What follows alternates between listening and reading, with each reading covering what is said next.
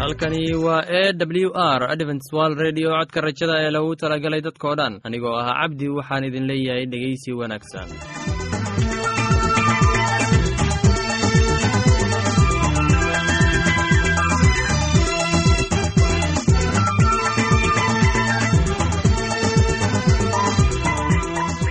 barnaamijyadeena maanta waa laba qaybood. Qaybta kuwaad waxaad ku maqli doontaan barnaamijka nolosha qoyska. Kadib waxaa inoo raaci doonaa cashar inaga yimid bugga nolosha. Dhegeystayaasheenna qiimaha iyo qadarinta mudano waxaan filayaa inaad si habboon u dhegeysan doontaan. Haddaba haddii aad qabto wax su'aal ama talo iyo tusaale oo ku saabsan barnaamijyadeena maanta fadlan inala soo xiriir. Dib ayaynu kaga sheegi doonaa ciwaanka yagu balse intaynan u guda gelin barnaamijyadeena xiisaa leh. Waxaad marka hore ku soo dhowaataan. Heestan daabacsan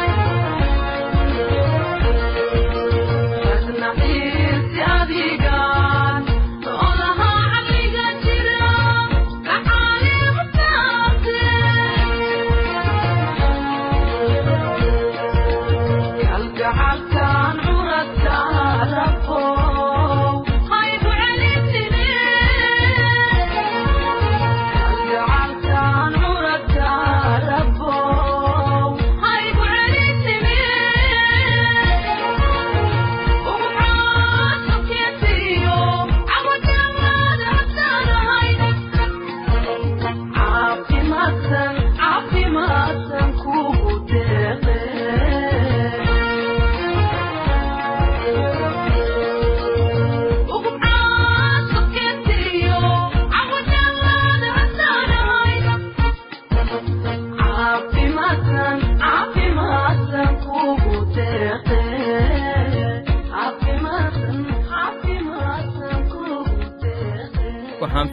filayaa in aad ka faa'iidaysateen heestaasi. Haddana waxaad ku soo dhowaataan barnaamijkeena nolosha qoyska. Barnaamijkaasi waa barnaamij ka hadla arrimaha guud ee qoyska iyo qofka bini'aadamka ee dhegeysi suuban kulanti wacan dhegaystayaal kuna soo dhowaada barnaamijkeenii nolosha qoyska oo aad wakhtiyadan oo kale aad hawada inaga wada dhegaysan jirteen.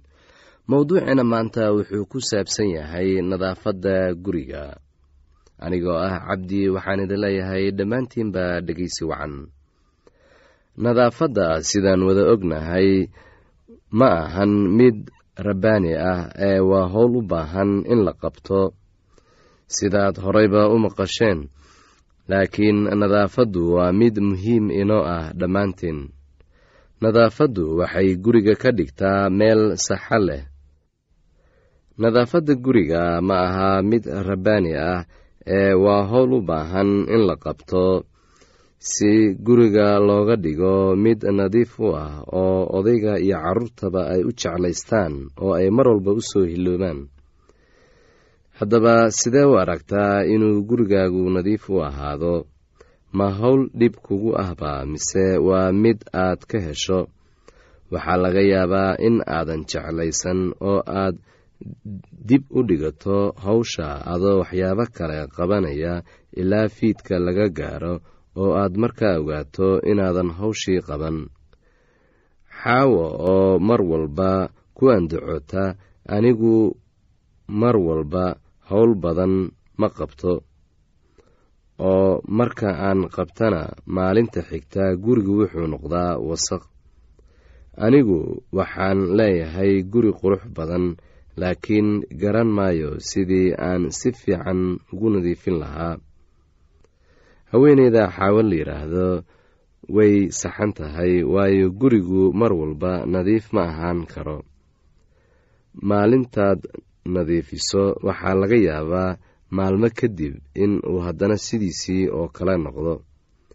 Waxaa dhici kartaa in aad ka niyad jabto waayo mar walba oo guriga cunto lagu kariyo ama howl kale lagu qabto wasaq ayaa soo kororta sidaa darteed nadaafaddu waa mid loo baahan yahay in laga dhigo mid joogto ah maadaama cunto iyo waxyaabo kale guriga lagu hayo. Adigu garan maysid sida guriga loo nadiifiyo oo raashin fiican miiska loo dhigo. Haweenka guriga hagaajiya qaarkood waxay jecel yihiin in ay hawshooda dib u yaro dhigaan qaarna garan ay maayaan sida loo nadiifiyo gurigooda oo kuwo kalena waxba lama aha shaqada nadaafadda guriga oo way la fududahay waxayna jecel yihiin in ay mar walba si wanaagsan oo niyad ah guryahooda oga shaqeeyaan. Maxay guri hagaajiyayaal badani ay u joojiyaan inta badan nadaafadda marka shaqo badan u taallo? Waxaa dhici kartaa in ay guriga u yaalaan alaab badan alaabta badani waxay keenaysaa nadiifitaan badan. Waayo waxaan ognahay mar haddii gurigu uu ku badan yahay waxyaabaha xafishka ah in qashinku uu ku badanayo. Haddaba ka ilaali gurigaaga waxyaabaha xafishka ah ee aan muhiimka ahayn ee aan loo baahnayn.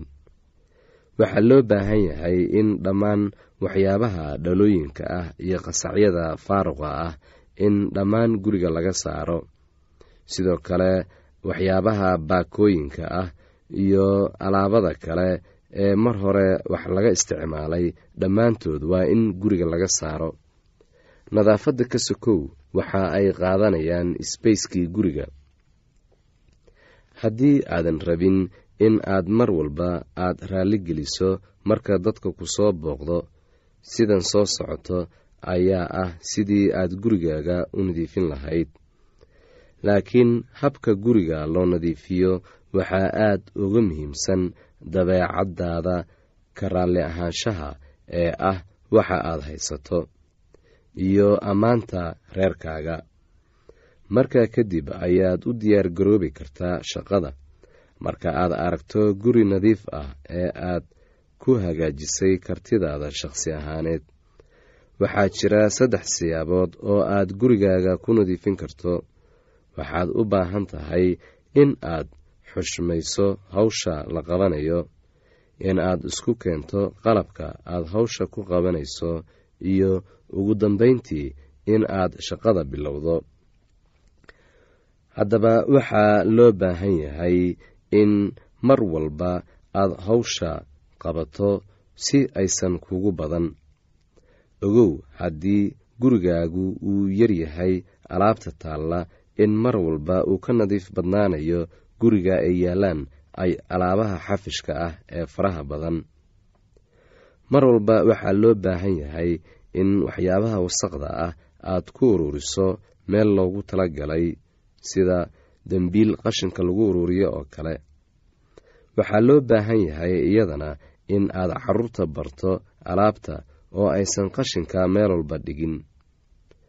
Waxaa loo baahan yahay qof kasta oo guriga ka mid ah in uu dhowro hanaanka guriga iyo nadaafaddaba. Haddii aad alaab meel ka soo qaaday waxaa loo baahan yahay marka aad dantaada dhammaysato in aad ku celiso meeshii aad ka soo qaaday. Haddiise alaab walbo la soo qaado oo gurigu uu noqdo mid isku dhex yaacsan hadhow waxaa dhib ku noqonaya qofka shaqada haya inuu hawshii kala hagaajiyo. Waxaan rajaynayaa inaad saddexdaas siyaabood aad aqbashaan oo aad ka faa'iidaysataan taa kadib waxaan rajaynayaa in aad garowsato in guri hagaajiyuhu uusan marnaba nadiifitaanku hadaf u ahaan. Muxuu haddaba ahaan doonaa hadafka aad weydiinayso ujeeddada ama hadafka dhabta ahi ee nadaafadda iyo guriga hagaagsani waxaa weeye farxadda habsamidda iyo isku kalsoonaanta shakhsiyadeed ee qoyska. Waxaan filayaa inaad ka faa'iidaysateen barnaamijkaasi. Haddaba haddii aad qabto wax su'aal ama tale iyo tusaale fadlan inala soo xiriir. Ciwaanka yagu waa codka rajada sanduuqa boosada afar laba laba todoba lix nairobi kenya. Mar labaad ciwaanka yagu waa codka rajada sanduuqa boosada afar laba laba todoba lix nairobi kenya. Imeilka yagu waa somali at a w r o r g. Mar labaad imeilka yagu waa somali at a w r o r g. Ama barta internetka ciwaanka yagu oo ah w w w dot codka rajada dot o r g. Mar labaad ciwaanka yagu waa w w w dot codka rajada dot o r g. Ama waxaad inagala soo xiriiri kartaan barta emesonka ciwaanka yagu oo ah codka rajada at hotmail com. Haddana ka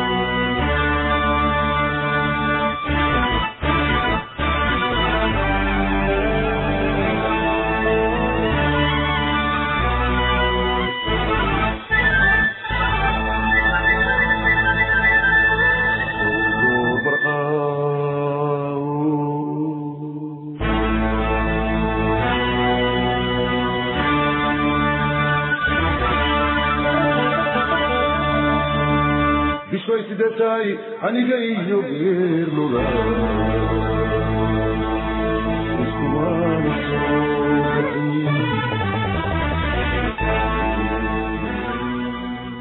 barnaamij xikmad badan ee ka bogasho wacan. Oo ilaah wuxuu yidhi waa tan calaamaddii axdiga aan idinla dhiganayo idinka iyo uun kasta oo nool oo idinla jooga tan iyo qarni kasta waxaan qaansadayda ku dhex dhigay daruurta waxayna noqon doontaa calaamaddii axdiga dhex yaal aniga iyo dhulka. Waxaana dhici doontaa markii aan dhulka daruur dul keeno in qaansada lagu arki doono daruurta dhexdeeda oo waxaan xusuusan doonaa axdigayga ina dhex yaal aniga iyo idinka iyo uun kasta oo nool oo jidh kasta leh. Biyuhuna dib dambe ma noqon doonaan daad baabi'iya inta jidh leh oo dhan.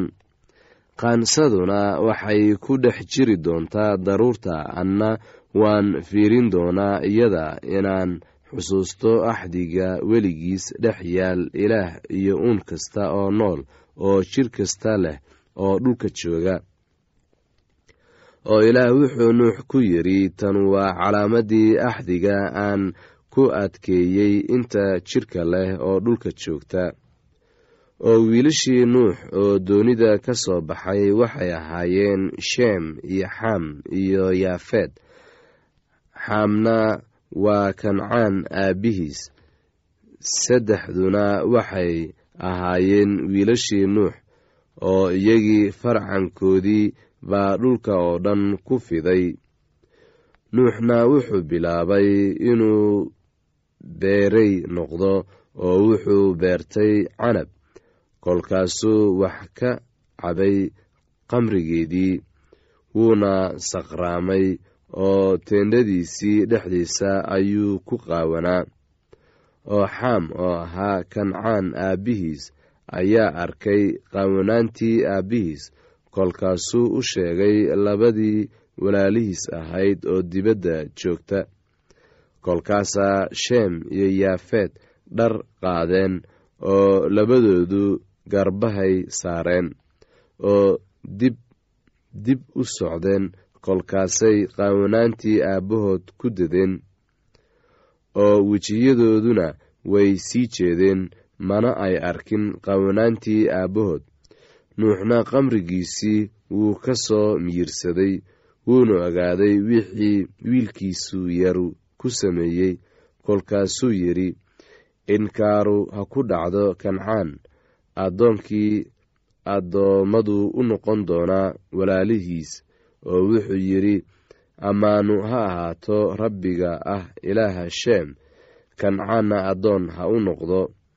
Ilaah ha fidiyo yaafeed hana dego teendhooyinka sheem kancaanna addoon ha u noqdo isaga. Nuuxna daadka kadib wuxuu sii noolaa saddex boqol iyo konton sannadood. Wakhtigii nuux noolaa oo dhammu waxay ahaayeen sagaal boqol iyo konton sadood sannadood dabadeedna wuu dhintay. Haddaba kuwanu waa farcankii wiilashii nuux kuwaas oo ahaa sheem xam iyo yeefeed iyo wiilal baa u dhashay iyagii dadkii dabadiis. Wiilashii yaafeed waxay ahaayeen gomer iyo maajuuj iyo maadey iyo yaawan iyo tubal iyo meshek iyo tiras wiilashii gomerna waxay ahaayeen ashkenes iyo rifaad iyo togarmad wiilashii yaawanna waxay ahaayeen elishah iyo tarshiish iyo takiim iyo dodanim kuwaasay gasiiradihii quruumaha ugu kala qaybsameen wadamadoodii dad kasta sidii afkoodii iyo qabiilooyinkoodii iyo quruumahoodii ay ahaayeen.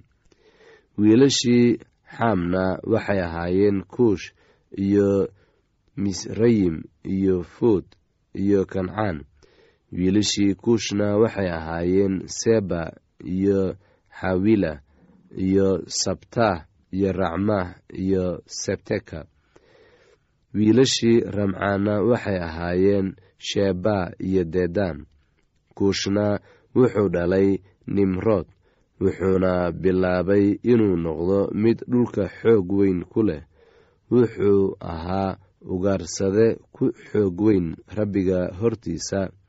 Taas daraaddeed waxaa la yidhaahdaa sidii nimrood ugaarsade xoog weyn rabbiga hortiisa ku noqo.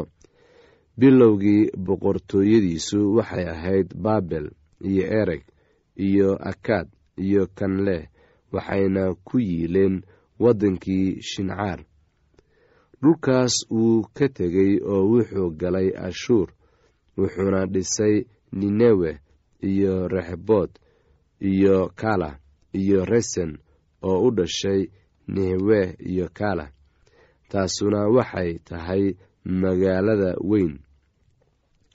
Misrayimna wuxuu dhalay luudiin iyo canaamiin iyo lahabiin iyo naftuxiim iyo fatrusiim iyo kalsuxiim oo ay reer falastiin ka yimaadeen iyo kaftoriim kancaanna wuxuu dhalay sidom oo ahaa curadkiisii iyo xeed iyo reer yebus iyo reer amor iyo reer girshaash iyo reer xiwi iyo reer caqri iyo reer sini iyo reer arwaad iyo reer semer iyo reer xamaad.